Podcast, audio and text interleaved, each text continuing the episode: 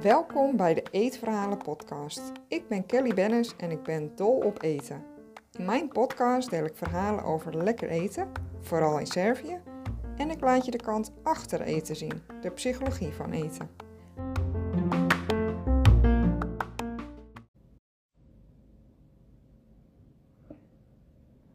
Negativiteit rondom eten. Daar wil ik het vandaag over hebben. Ik ben Kelly Bennis, diëtist in de Zaanstreek. En het is mijn missie om jou te helpen bij eetbuien. En ja, die stapjes te maken naar eetplezier. Hoe doe je dat nou?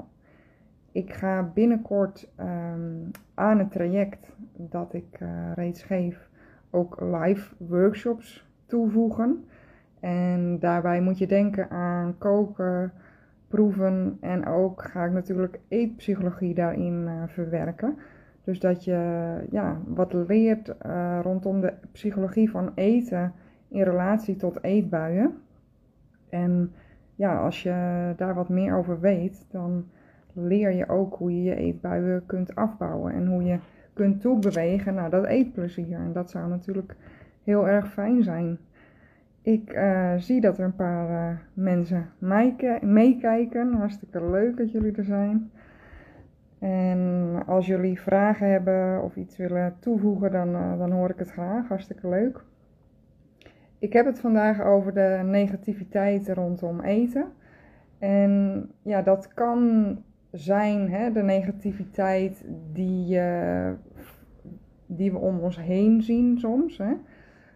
En het kan ook zijn de negativiteit vanuit jezelf. En ja, dat gaat me aan het hart, want eten is zoiets moois. En het is natuurlijk heel uh, naar als je dat uh, plezier eigenlijk uh, verloren bent. En ja, het is mijn missie om je daarbij te helpen. Ja, het kan zijn dat je, hè, zoals ik zei, hè, het kan vanuit je omgeving komen, het kan vanuit jezelf komen we horen heel vaak uh, van je, je mag niet snoepen bijvoorbeeld. Hè. Je moet minder eten. Dat is ongezond, dus daarom moet je het niet eten. En dan ontstaat er heel veel onzekerheid bij heel veel mensen.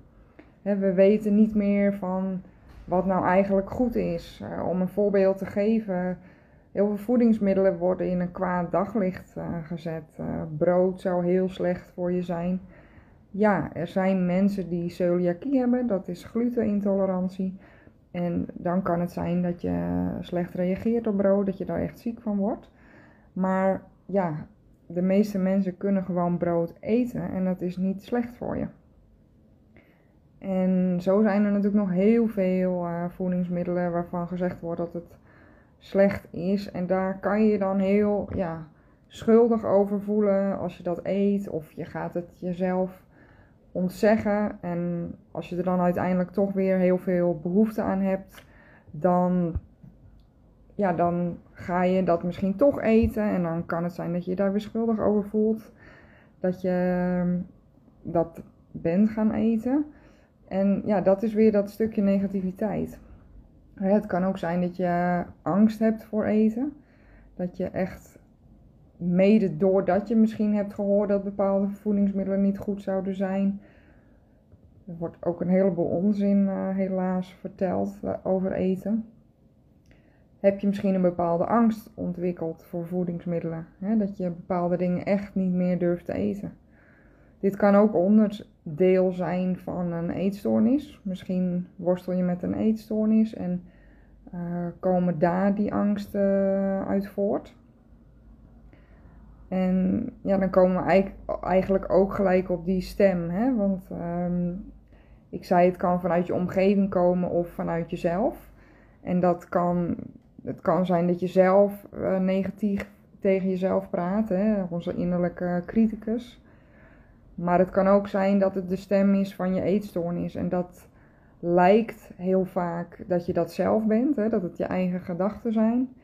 Maar uh, als je een eetstoornis hebt, dan is dat de eetstoornis die tegen jou praat en uh, ja, heel negatief is over bepaalde voedingsmiddelen, bijvoorbeeld negatief over jouzelf. Dus dan, dan weet je dat ook en misschien herken je dat wel. Een ander ding wat vaak wordt gezegd uh, zijn guilty pleasures. Hè? Alsof je, dat, het woord zegt het eigenlijk al, hè? guilty. Dus dat als je bepaald uh, eten in dit geval zou eten, dat je daar schuldig over zou moeten voelen.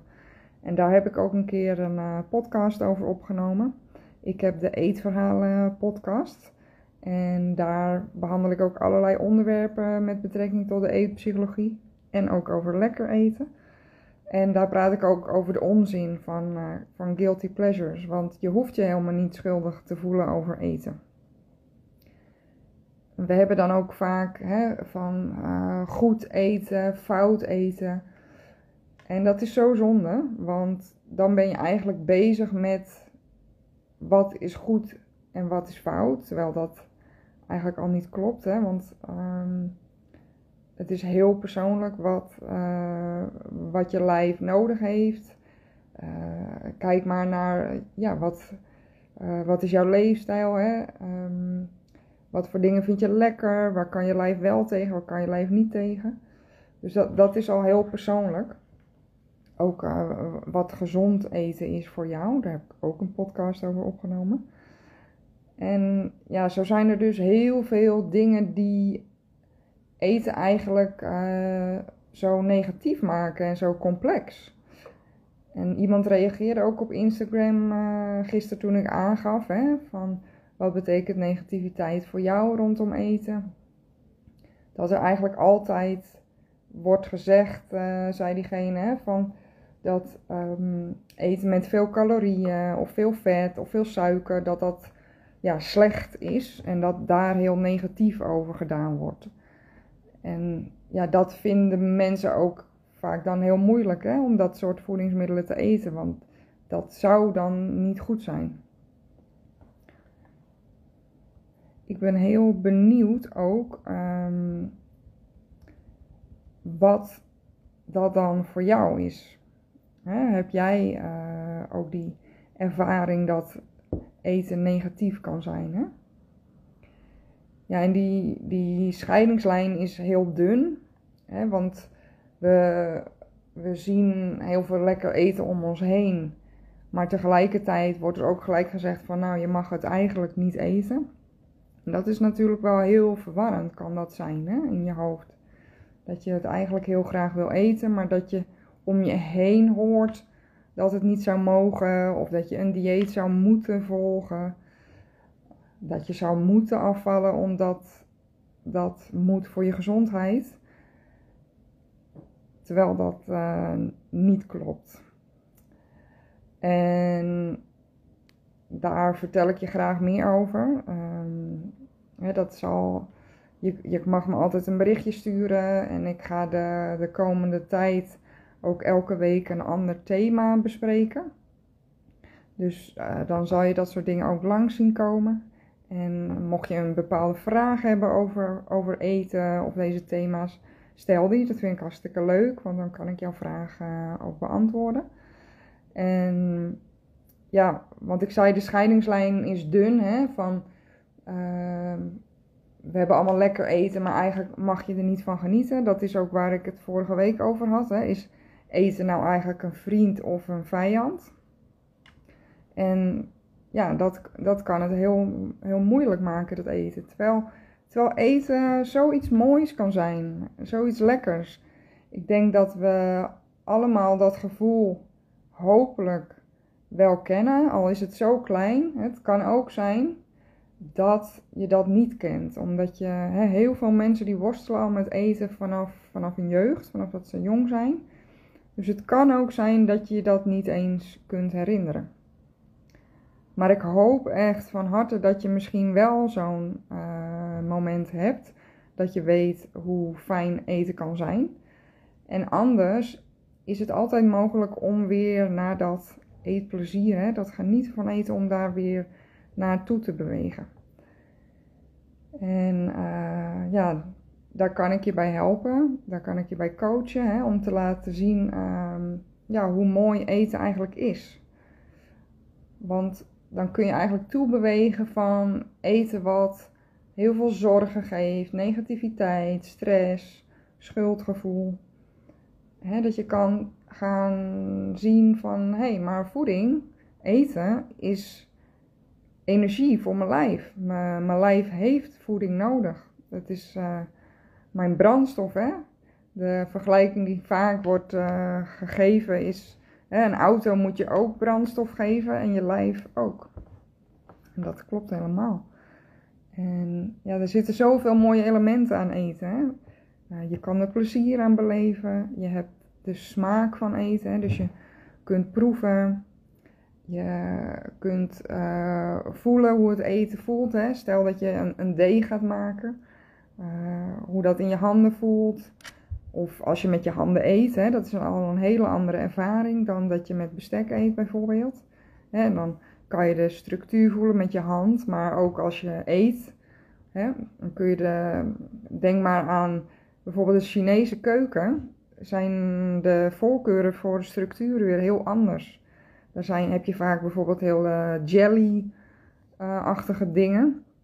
Die voor ons misschien weer heel vreemd zijn. Uh, denk aan lekkere crunchy dingen of juist iets zachts. Hè, dat je daarvan kunt genieten in, in een gerecht bijvoorbeeld. Hè. En ja, hoe mooi zijn bijvoorbeeld herinneringen aan eten. Hè? Misschien wat je lekker vond als kind, uh, een bepaald gerecht. Of dat je mooie herinneringen hebt aan een diner met vrienden of familie. Of dat je ergens op reis was en iets heel bijzonders hebt geproefd. Of juist iets heel simpels, maar wat echt super lekker was. En ja, dat, dat, dat is genieten. En eten uh, kan zo mooie bijdrage zijn aan je leven. Echt een, een um, zorgen voor levensgeluk. En um, als je dat, dat kwijt bent, hè, als eten echt een opgave is voor jou en een struggle, dan, dan kan dat een hele grote last op, jou, uh, op je schouders leggen. Nou, en wat je daar nou aan kunt doen, hè, als je zegt van dat, dat wil ik eigenlijk niet meer, hè? dat die negativiteit rondom eten. Nou, ten eerste kleine stapjes. En wat daarbij kan helpen is eerst te bedenken die negativiteit rondom eten. Hè? Waar komt dat bij mij nou eigenlijk vandaan? Dus ga je dat eerst eens afvragen. Hè? Komt dat uit jouw omgeving? Of komt dat bij jezelf vandaan? Is het misschien, hè, als je een eetstoornis uh, zou hebben, of als je denkt dat je dat misschien hebt, zou die eetstoornisterm kunnen zijn? Uh, misschien wel een combinatie van wat ik net noemde. En wat je je dan kan afvragen is: wat, wat wil jij eigenlijk niet meer binnen dat stukje negativiteit rondom eten? je afvragen wat je niet meer wilt, dat kan ruimte geven voor, voor wat je wel wilt.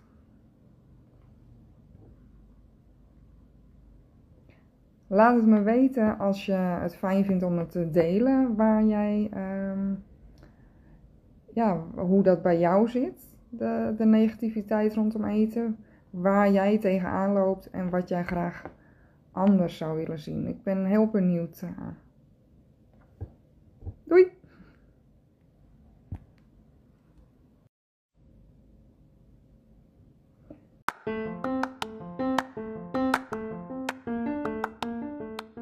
Vond je het leuk om hier naar te luisteren? Of denk je dat het interessant is voor iemand anders? Deel mijn podcast, bijvoorbeeld met een screenshot op Instagram en een tag naar mijn account. Alvast super bedankt. Je kunt me bereiken via kellybennis.nl en daar vind je ook mijn social media kanalen. Heb je een vraag of een verzoek voor een bepaalde aflevering? Laat het me weten. Dat vind ik echt super leuk als jij ook je input geeft. Tot de volgende aflevering.